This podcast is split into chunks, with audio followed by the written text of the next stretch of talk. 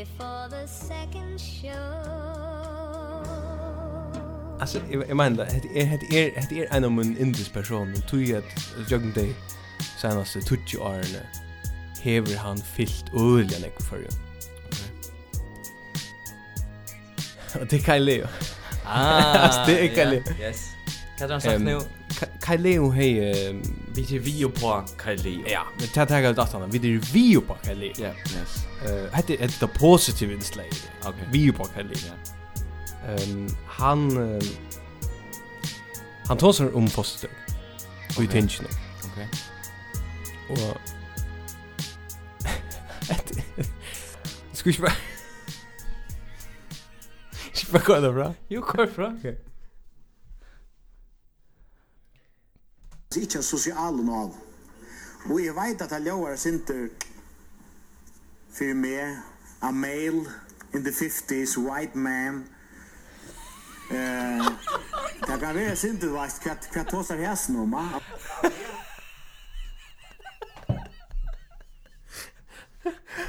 A man, white male, white male in his 50s göra? Jag var en southern knapp. Ja.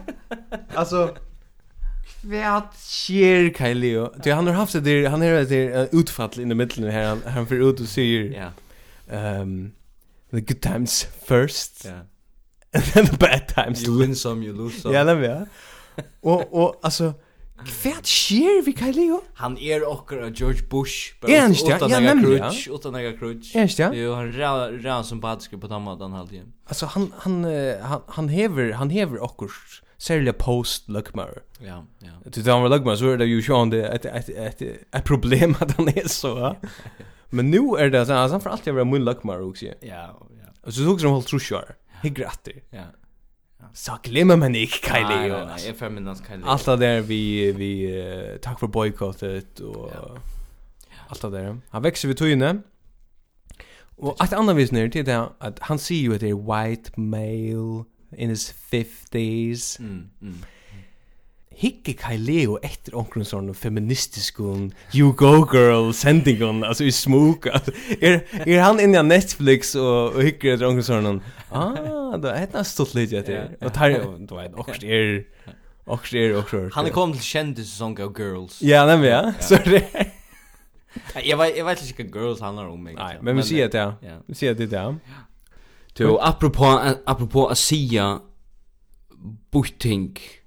Ole Breckman. Mhm. Mm som er verster av R6, mm -hmm. sånn utvarpen som er i Estrødne. Mm -hmm. Han er simpelthen meldar for bråd av 260 b. Ja. Du minns att vem sex B även en gång. Yes. Det är cirka den enaste paragrafen som vanlig inte jura folk. Vita kan är för. Ja, det är. Det är den ensam paragraf vi att diskutera. En som man kan visa till som vanlig folk. Ja. Alltså skola but ner i trea flock vita kan paragraf den kan vem sex B även. Ja. Ja. Han är meldar efter tog paragraferna. Mhm. Du han är Han har kallat han fyren i Norrkorea. Mm. För ett skivökt socialistiskt knätte. Ja. Det det är nog inte vi, ja. Ja, ja, ja, precis ja. ja. Och alltså det det så där som det är skivökt det nog här som chat hoppar där, va? Ja. Socialistiskt tycker jag man kan bli akkurat för ja. Men men det som är mest intressant är det det att han kallar honom för ett knätte. Ja. Och Och till det vill jag bara säga, er totalt vi på det. Jag kallar också knätte. Ja, knätte. Det onkar det också. Alltså jag hellre kallar en föring för knätte en en en en en norrkoreanare. Fullständigt. Ja. ja. Och så är Men alltså jag tänkte här vi vi att nu är det så att de kräver mellan för 26 B ja, men ja. Men så det här att värjer man att sinter Kim Jong-un då? Alltså tar man att tar man att sinter då att han så så ju och så Kim Jong-un, alltså, ja, han ja. just här näka. Ja, jag, jag, jag, jag skulle faktiskt, jag, faktiskt, ja. faktiskt notera det här, att ja. det är extremt paradoxalt att, att 260b deporterar yeah. vi att välja en einarreis här. alltså, Vet du? Ikke en muslim som er kommet til førjar, eller en, en samkjent, eller hva det nu kunde være, ja. Det er simpelthen, det är Kim Jong-un, altså, Eller ill, eller ond. Ja, det är ond. Är det ond? Ja, ja, ja. Okay. Men han är simpelthen den första som får avgående av seg i loven. Ja. Och spurningen är om han vill informera om det. Er, det- er, er, er det liksom, tar man ner en past? Alltså han är ju en parst i Malmö. Kan man se det? Jo, jo. Han må få ett brev sendt av det.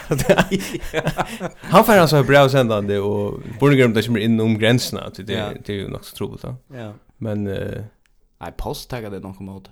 Hever du nærandi uppliva at prata vi en person som sier fylgjande um, Det er eis nekt propaganda om Norrkorea Det er faktisk er jo omstøvnar helt ok her i mån til nek ånderland Hur när mött en sån person? Eh, nej. Nej, men här personen är det tid. Ja, okej. Du du mött. Jag pratar med såna personer.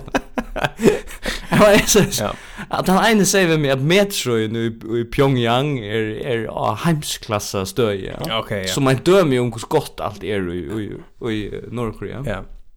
Men, ja, okay, men alltså, vi skulle ha ett brev sändande till Kim Jong-Un. Vi skulle ha brevsändande ja. till och vi vi måste ha en mynd vi eller ännu bättre en knätte. Mm. Alltså vi onkel onkel onkel coach kona lustar det inte.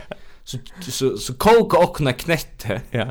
Och och få lugga som uh, ankran att sända det till King Jong-Un. Och till Jong-il.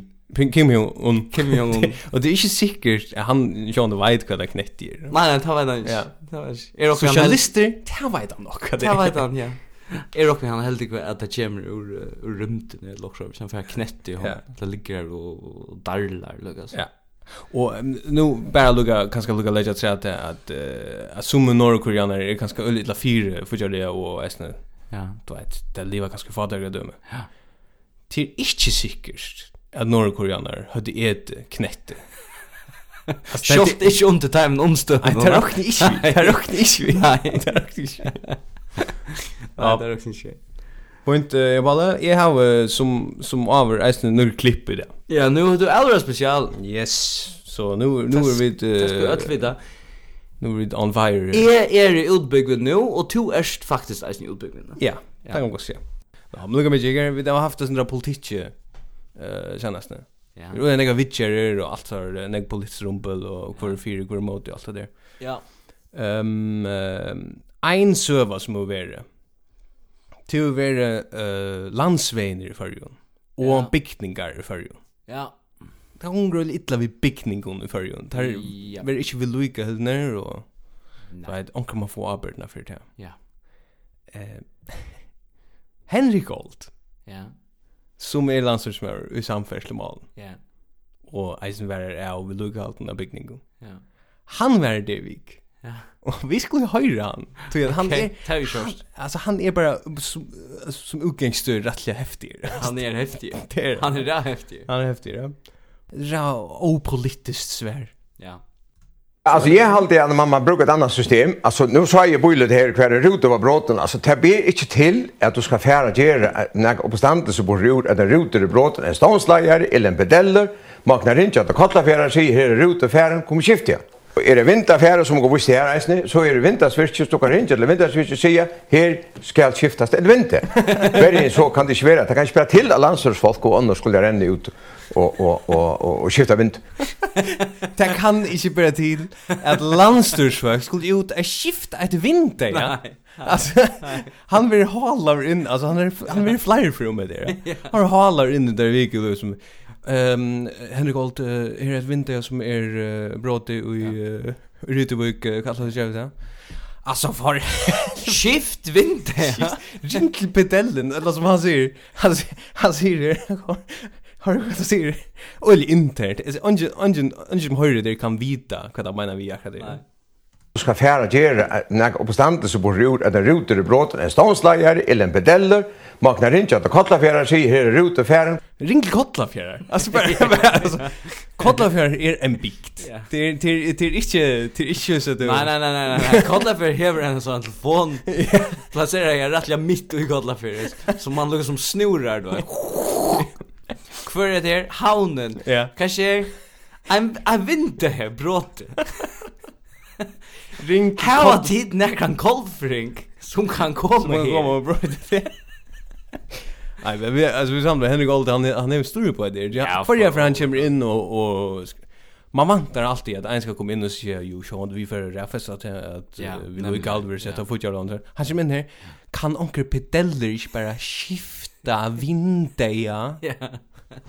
Ja. Kom, kom här. Han tycker inte svära mails och sånt helt. Att det skriva till vita finns det här och han Nej.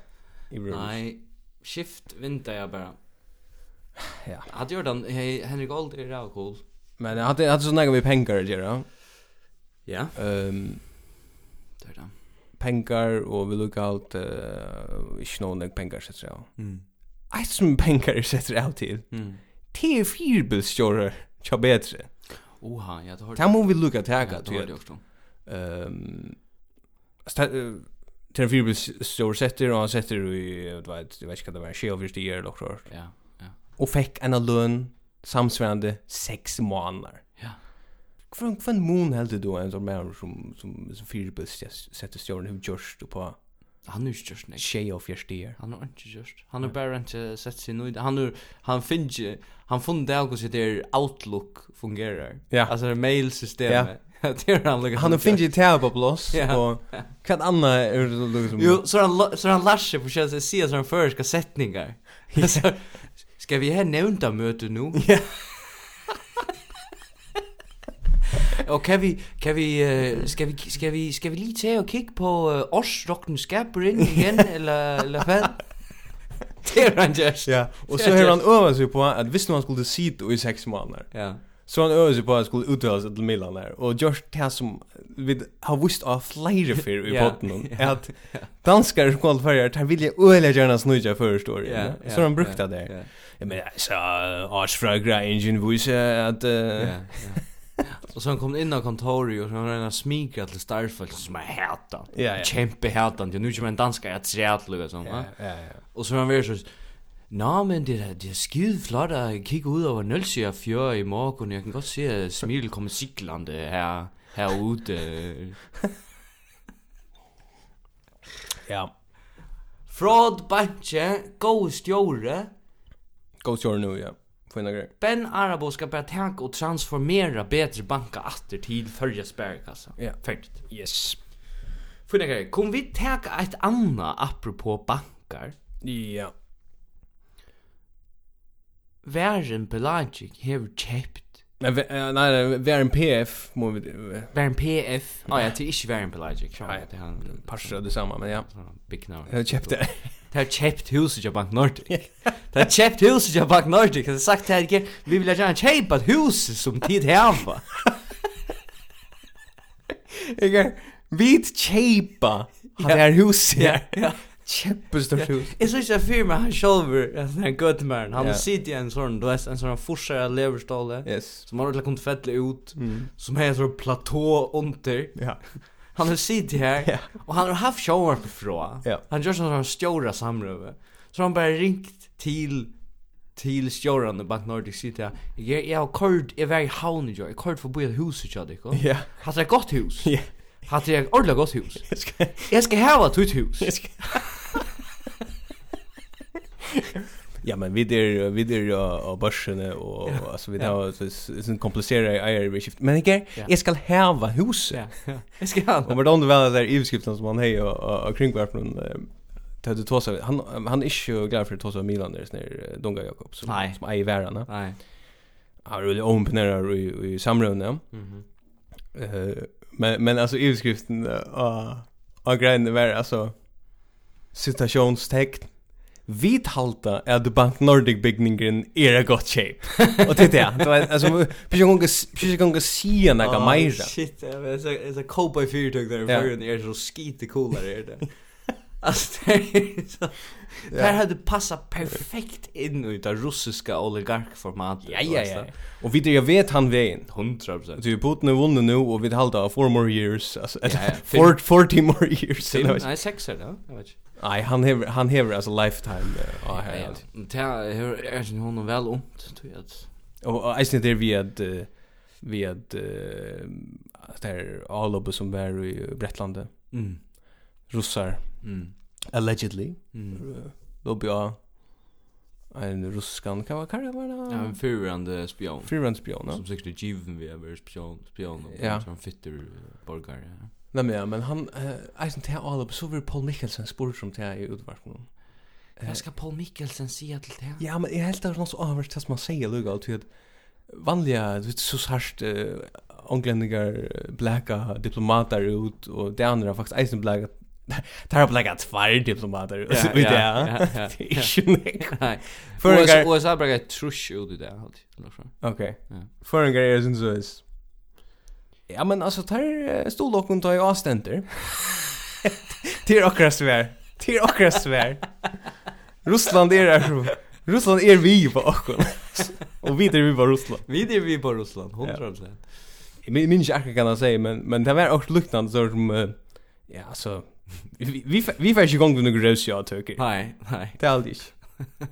Ja, jag har jag har jag vet inte alltså skulle skulle vi svära att alla dessa sändningar som är så tjum Ryssland.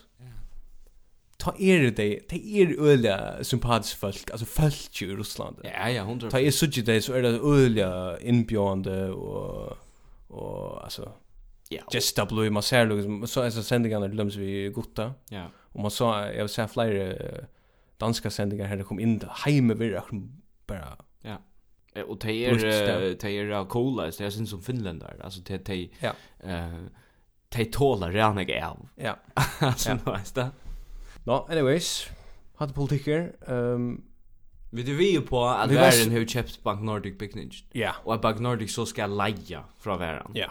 Och det är inte russiskt initiativ. Skidgott. Att göra det. Ja. Att det är fyra bara för in och och tjej Bruce som är alltså det är ett av fatta sus i för. Ja. Absolut. No, men uh, vi hade också synder utomlands. Ja.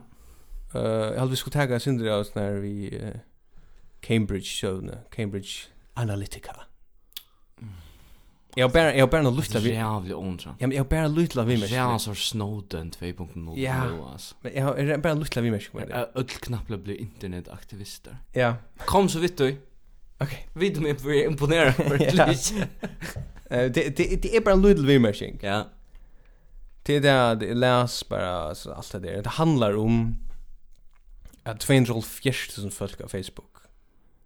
Mm. Har just en fil då. Okej. Eller att det är just en fil, men det just några som har haft ekvislerar av längre. Mm Alltså kan ni lugga kommer vi med sig till flyr and angel förstås människor på Facebook. Ja. Just en file. Ja. Ja så det kvant där. Det har väl en människa som gör file. Ja, men helt akkurat som filen är är en av de helt stora heldige. Okej. Okay. att hetta gav ju falske ergång till privata upplysningar eller gav dem skau falske ergång till. Ah, okej. Så hade folk som arbetar på Facebook. Nej, nej, hade folk som är på Facebook. 240.000, jeg leser opp nå, 240.000 folk av Facebook hadde valgt at trusta en quiz som lovar jeg å si at her hvor typa du er. Oh. Og her hoks jeg at til et Att det är när till sjön det där och helt privata upplysningar över adulter och allt det där. Hemligt, ja. Nummer 2 är at folk som trust og en quiz yeah. som sier hvor typa du erst, yeah. de skulle missa alla rätt öll rätten det som det här var. Alltså det är demokratiskt kan väl rätt veck. Ty att det är trist att det skulle bara stäckas. Ja, ja.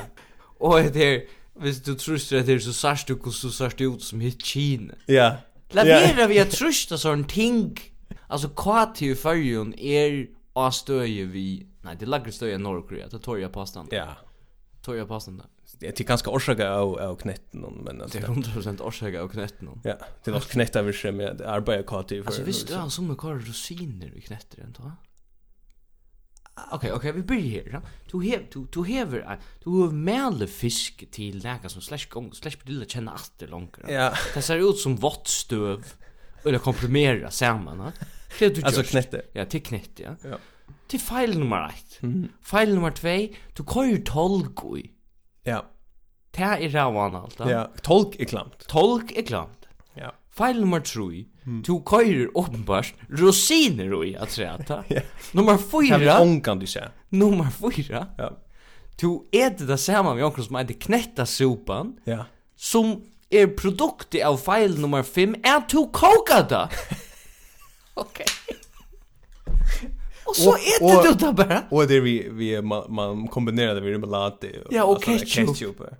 Det är fullständigt ja. Inte gott. Att det är en hybrider identiteter som ger också. Jag har nog stolt att nämna tolk. Jag har en tolksöv. Du har en tolksöv? Hur gott. Okej, det vill jag höra. Ja, det passar ju tolk. Ja. Jag huxar syndromet där. Om ändernusle. Du känner allt det här vid ekologi och ja. ändernusle och man ska och, och mätspill allt möjligt. ja. Mhm. Mm jag hörde en samråd utvart någon om det till en av personer som är börjar leva öliga ekologiskt, öliga omkurvsvinarligt. Okej. Okay. Och jag vet inte, för mig så är det en öliga fin linje i mitten att, att leva ekologiskt och att leva öliga omkurvsvinarligt och att leva sin det klant. Alltså okej. Kosta. Alltså det kosta. Du det är en mask, det är en mask. Ja. Låt låt höra det vad de säger då. Okej. Vi vi de heter vi de heter för i rummaske. Mm. Såpa till klattna vask i maskine från natursåpa. Hem till så en färsk fyrdagar som framlägger alla möjliga vörre ur tolk. Luktar det så av tolk, tar du hur vaska kläderna? Det, det kan lukta sin av tolk Ha? Nej, go shit hade det alltså Jo, jo, jo. jo. Hette er såpa ja. som du vaskar kläderna vid. Ja. Som lukta av tolk. Det heter marsje, det heter marsje. Du kan ikke hava klæger som lukta av tolk. Nei. Det kanst du ikke hava. Nei. Nei. Nei, men altså, det bør at Och du sa stas och som till ögost och fulltaga omkvar vi allvar och ger ett möjligt till vi på. Men du sa stas ju som hon som ger jävla neck och som kvant där huxa till jävligt är ger neck mot kat on ger. Som blev sen så sex time passion som skiter åt isen som bara ju fullständiga eh Bernes och Söldarfjord Louis alltså då alltså knallar allt ner i du som skrevs på 100% och och hur bilen standard i tomgång utanför ja. Mm, Ja.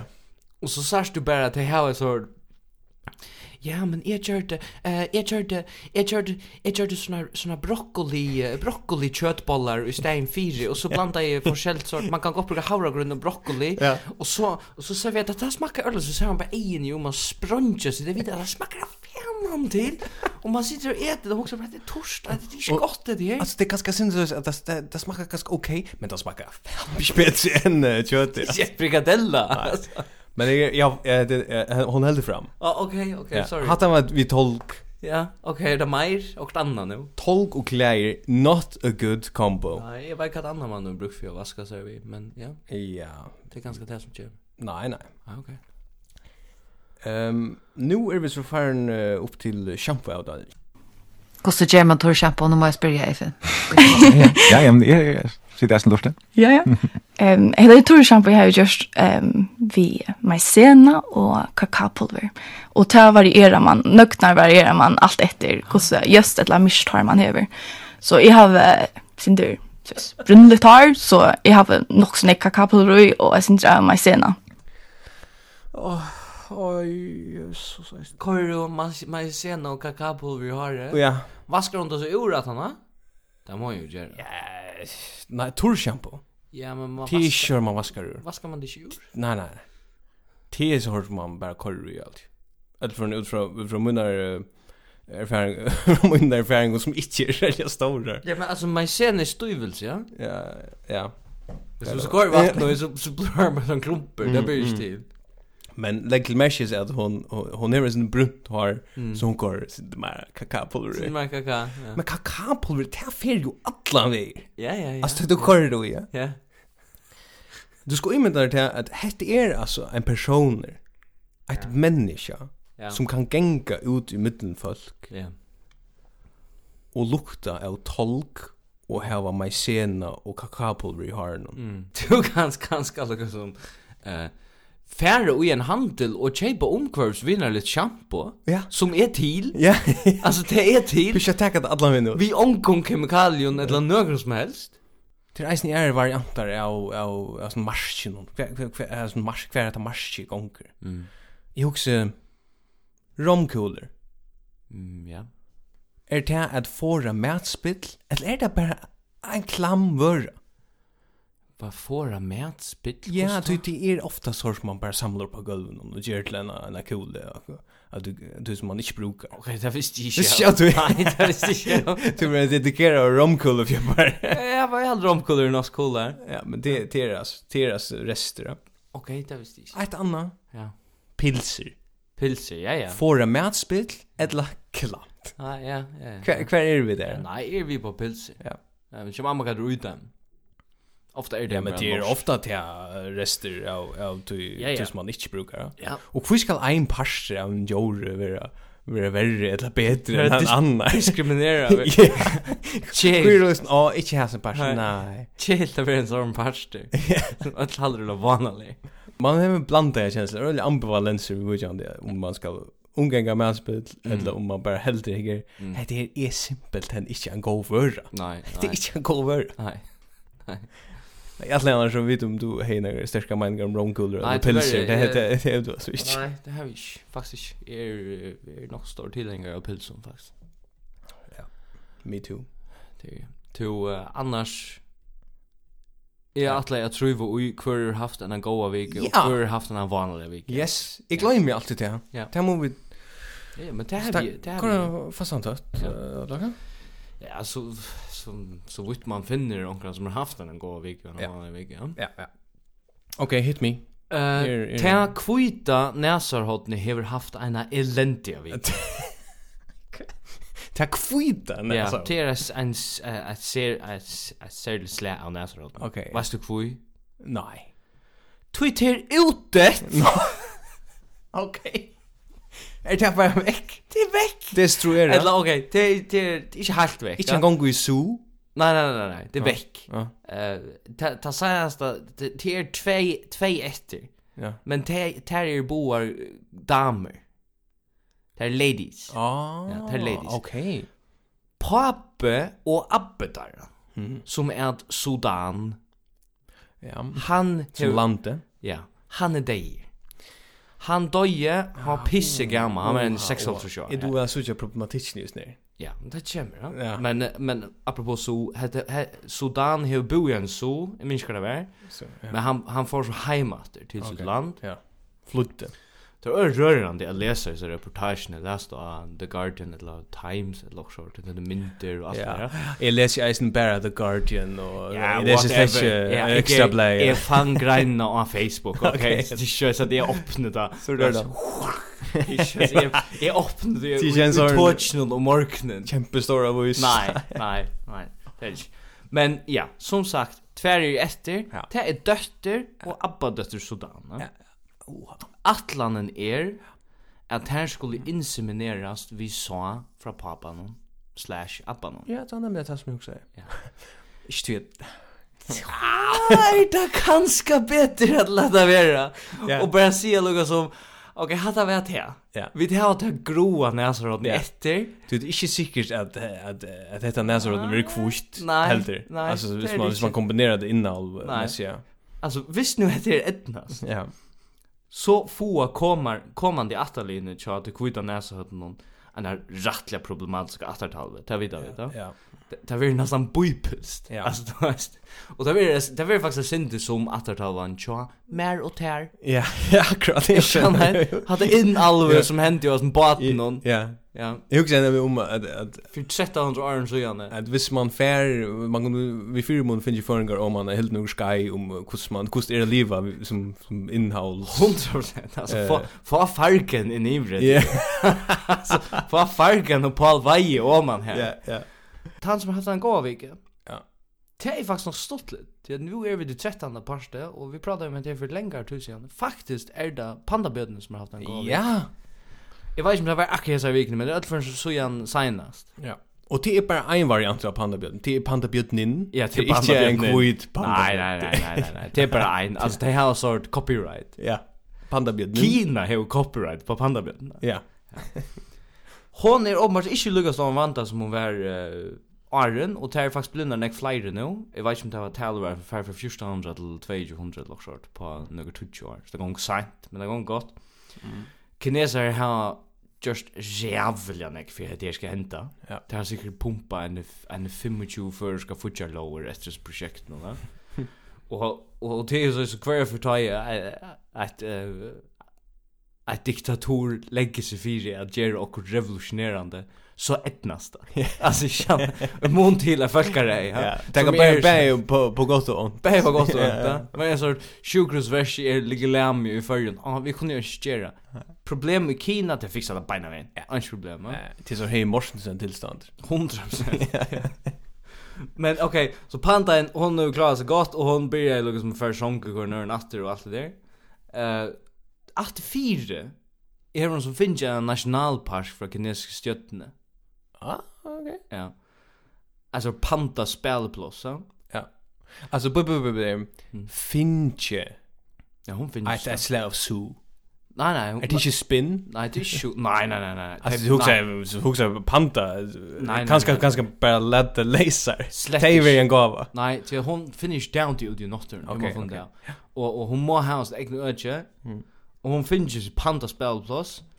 Det är lika störst som Jylland. Okej, så gjorde det. Det känns så lite. Nej, det är så cage. Nej, nej, det är så. Nej, nej, det är bur. Det fortäller ganska eisne hos i overkommande Jylland er i hemsøp. Ja. At det er en blindtarmer fra Tyskland og en tjanna. Det er en tjanna. Ja, men altså... Hadde hade en god vika? Hadde en god vika? Hadde en mega god vika? Um, så som Jylland. Ja. Skulle vi tega han, Så för jag har emot här kan.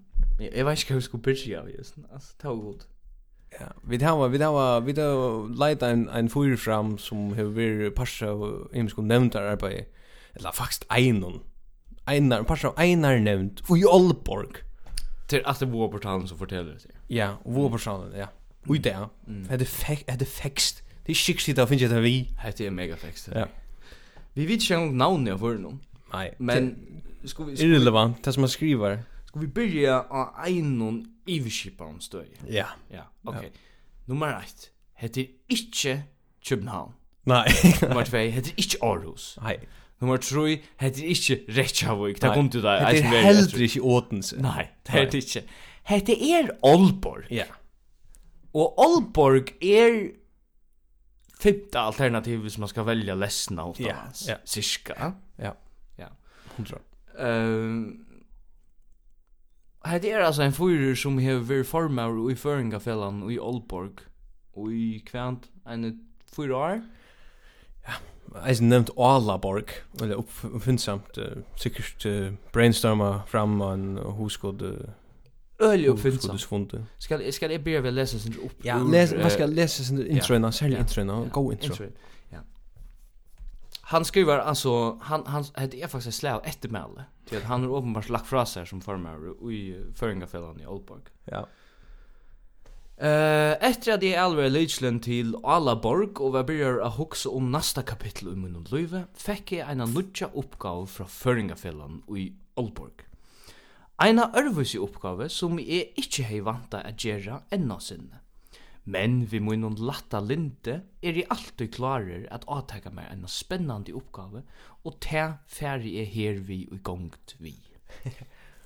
Så blir han å lysa en, en, en setting her. Ja, ja nu er det, nu lysa han en setting. Nu er det stemningen. Nu er det ordentlig, det er som en manuskript. Ja.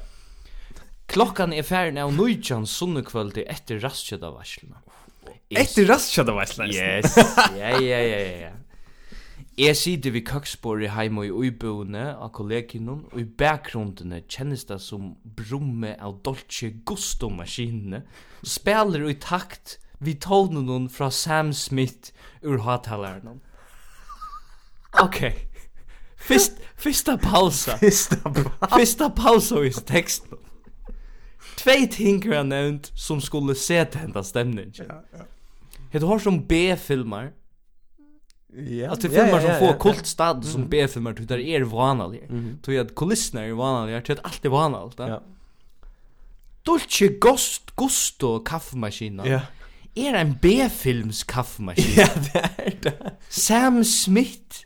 Ja. Alltså det är ju gott vid det vi på det här. Ja, men men, men inte man vid Dolce Gusto heller. Ja, men det är inte det är något som inte det att du sitter i en italiensk kafé och du hör du hör lika som Beethoven symfonin i bakgrunden ja. Alltså du sitter inte här i dullskon nej du ser inte alltså vi ser det the setting the real setting here det det du verkligen rastjud av vassl ja.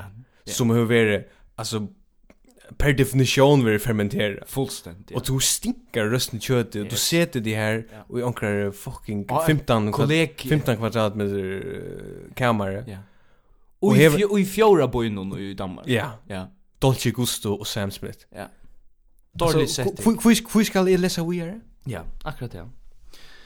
Vidare forteller han så. Mian engren fra munnen chai ti latte så smått byrjar a fylla køtjen, sitter jo hugsi om mina tui og i føringafellan. Og så kommer det til, om tu som lesare, ikkje enn er komin av slåna om hva oppgavan kja føringafellan er, så er det fylltja vi, mi han er greie fra, ente minningon moinon. Ikke, ikke, ikke, jeg kan si at ente minningan er tjoa som fyrir noen her, færa ongan tui at greia okkum fra kvæt at føringa fella gjert. Føringa fella hever ikkje endamal. Det er nada endamal i løvn. Och så är det djupt problematiskt att en virus du skriver såna ändminningar. Då han kom en treing i jöken löv. Det är näck för tulja. Nej men jag jag jag hade jag hade skulle lugga grejer för sig från att det en våldsamt längt skriv han har skrivit. Ja, grej lugga för dit nu alltså inte alltså det är alltså han han han har skrivit det och och och det är som det det är det är en jag vill sagt en 12 normalsyr. Hvis vi tar vanlig anslag vi så så är det alltså så är det alltså kämpe kämpe längt. Ja, ja, det är litt special. Och och han rönner att greja från kvossi hans han nämntar arbete gånger vi Alaborg. Ja. Han är reisen i et Arun Alaborg. Ah, här han reisen. Ja. Han pratar om Delta Seafood och lärplats Chatax.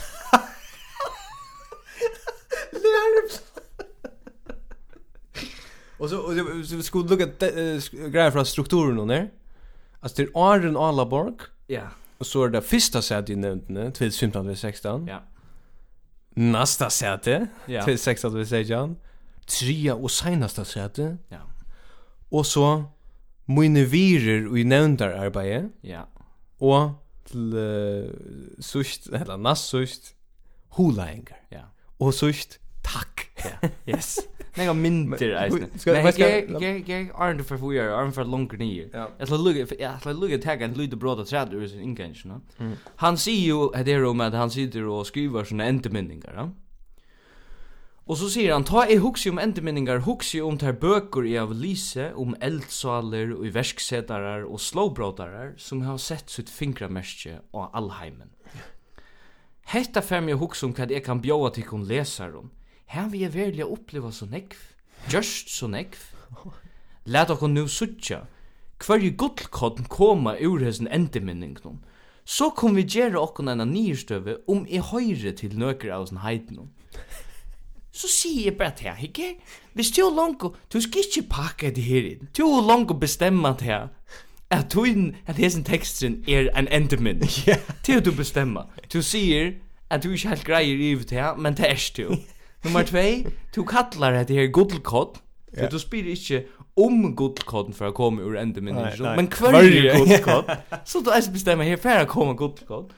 Og så lykka som vurderar du om du kan lykka som, ja, så er det, er det lykka som, er det Anders Fogh, eller er det Mandela? Ja, er det, er det Obama, er det, er, hva er vi da? Hver ligger jo an? Ligger han og flyter i nevndra arbeid i Aalborg? Ja, nemlig, ja. Alltså det är simpelt man ska i full i full nästan det man kunde just en highland to om med det. Full sen borde ha. Det nästan så är vi vi vi där vi där vi får attacka nästan en typ. Ja. Jag är läs är läs dem så här holangar mot ändan John då. Nu munar endeminningar narskast ändan hon. Är det kanskje sömligt att komma vid någon holangon som jag just meg dugn år og det men är vär i nämnden hade också rätt John. Ja. Som du. Ja, jag vet inte vad det kom. Men så sen där samskift on net till en holäng som han han han just säger. Ja. Jeg har vært sera värren ta evigna föringa fälla är. Har samskift och lust och att nu hemmasyn och Facebook. Ja. Okej. Mutt varse mig hur vi enda i hotten hon jag har skriva. Det du akkurat sagt. Ja, hva er det her? Jeg har alltid rønt av er. Ja, det er jo en lukka som... Det er jo Lukas. Det är jag som är försvärstälna ur ratten og... tar man jo körs tar man nu för brödsja grind 26 b så så börjar man alltså jag var alltid varm så jag kunde inte veta att jag skriva i onär Ja, så säger jag, jag har alltid rönt över så grejer som gör det till jag skriver och Ja, du är jävla grejer bara nu. Så er, så lyser han vad han gör och så kommer han in och han tar som han kallar för hans laslestoiler som är lead by example. Lei som firmynd. Och så kommer han också citat. Och i rejon text knappt, ja. I work and lead by the philosophy leading by example. Yeah. As I believe that this form of employment and leadership displays what you or your leader is capable of. okay, og så kommer det sort personal, stendur her. Ja. Yeah. My philosophy is People are born free and equal in dignity and rights. Oh, det går så. And this is the way I treat people and expect treat peop expect people to treat me.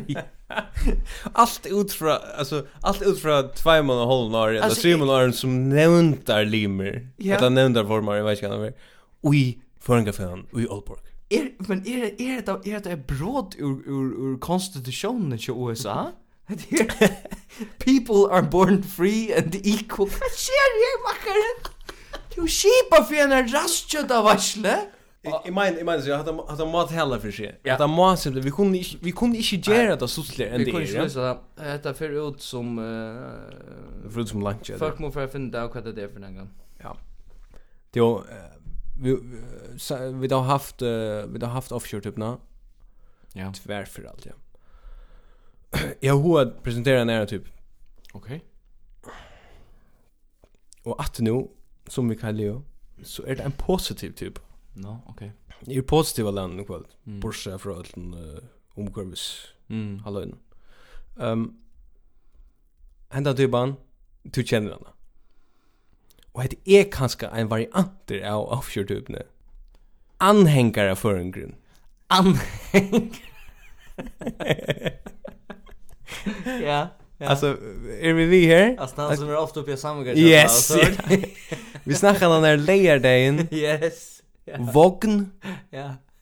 Negva krut. Ja, negv. Alltså, våldsamt negv. Jävla negv. Här, man, man är, man är öliga patentlig vi, vi, hur hur man packar bilen av VSD. Ja. Yeah. Och man gör sig ordentligt klara, man, man är ordentligt robust där man färdas det. Mm -hmm. Mm -hmm. det talar om öliga triviellt vision. och och typ han diskade. Yeah, alltså yeah. diskade. Han glädjer sig så näck. Han så skuffar då samgår sig att det stom. Ja. Så chat. Och för allt i minimum true prod vi. Ja. Och vi samgår sig. Ja. Och det kan vara alltså allt möjligt fermenterad bröd. Ja. Det är det är central luskle ju det. Det är en god typ. Ja. Och så hemma spola tunen där man är alltså liksom trappa ner att han har. Det att han vill spola tunen till där man är ah. Okej där man lever liksom. Det var det. Det var hetta var där det. Och det är också en en en anhängare anhängare typen. Det är det förr kan brukas bäst till. Mm.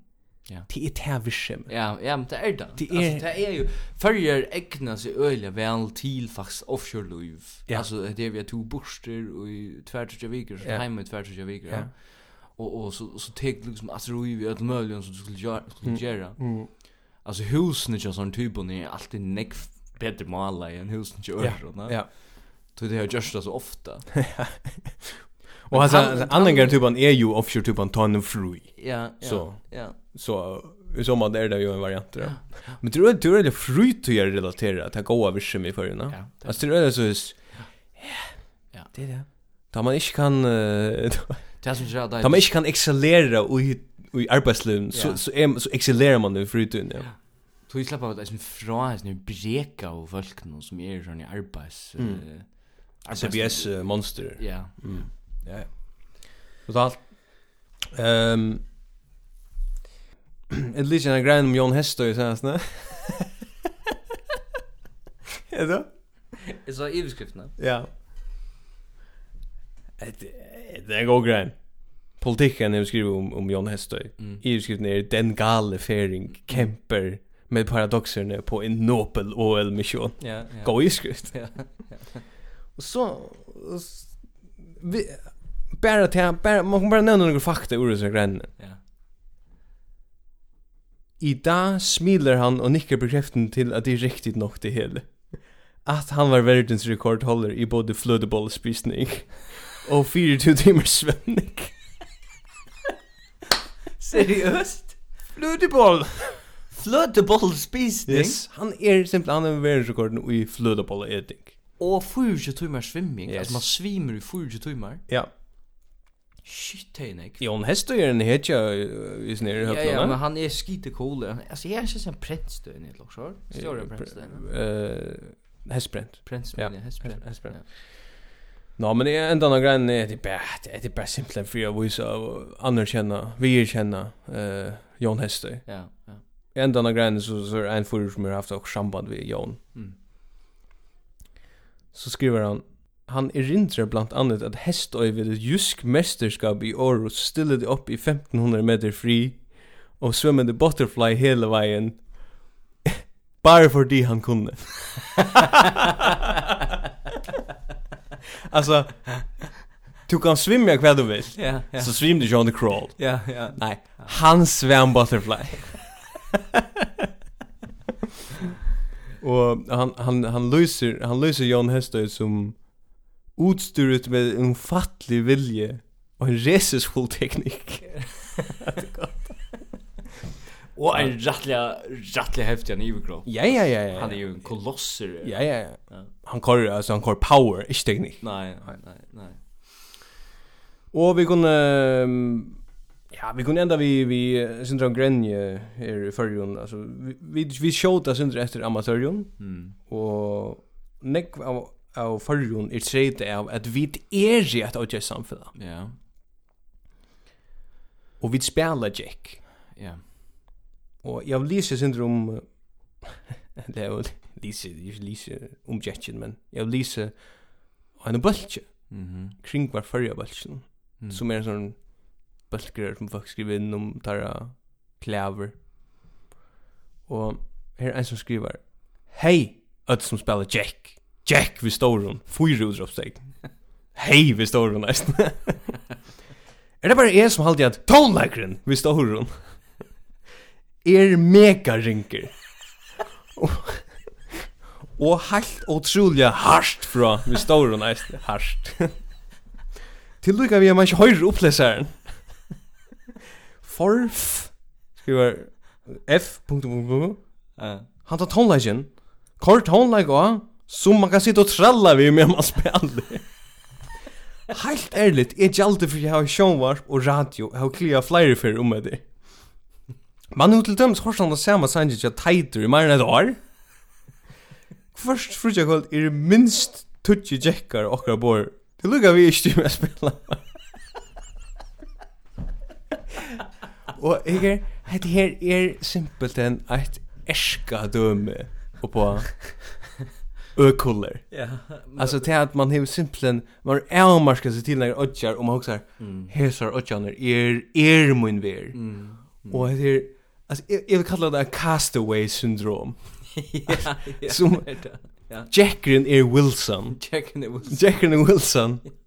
Och händan här är Tom Hanks. Det är alltså Jag fick komma att liksom alltså att sälja Sean ända som en god kund. Ja. Jag har touch jackar born och går för jag. Shut to me smile. Ja. Again, you're dealing with a monopoly. Ja. alltså, du du arbetar med monopoly, du får det alltid att spela jack. Ska vi se det? Hade varit det. Eh, du du för till du för till Ayanapa och är för till förra. Jag för Ayanapa. Tatt på. Ja, tatt på. Tatt på. Och vi det är ju alltid nästa vecka. Ja, det er vi faktisk. Så ja, så vi så vi tar också nästa vecka. Ja. Okkurst, okkurst, okkurst shit för det hända påsken. Det vet jag vet. Det är också vi sån luchelone. Det är också som är Josh och piss uh, påsken också som är skit just med mig eller så där. Så det händer allt. Jag vet vi Nordkorea, ja, Ryssland. Jag vet jag pratar med knetter och Nordkorea, det fylls jag sig. knetter och Nordkorea. Ja. Eh vi har pratat om Russland. att uh, kvita kvida Nazareth alltså en lörsta vecka. Ja ja, nämligen. Panna bjöd han en gåva vecka. Ja. Vi då Så vi då omkörvis aktivister där. Ja. Där har teachers inte för länge. Ja. Och Kyleo är och Lockmar. Ja. För allt jag berättar. Så ser vi det blev posture och Månad gånger har ni skåren en catwalk i den nästa parten av god signaler. Det här är väldigt tacknämligt, så känner jag det. Ja. Jag hvis säga han lät sig döpa här och testa. Ja, det är faktiskt oglav. Bruno Beige. ja. Alt leid dit. Bye bye.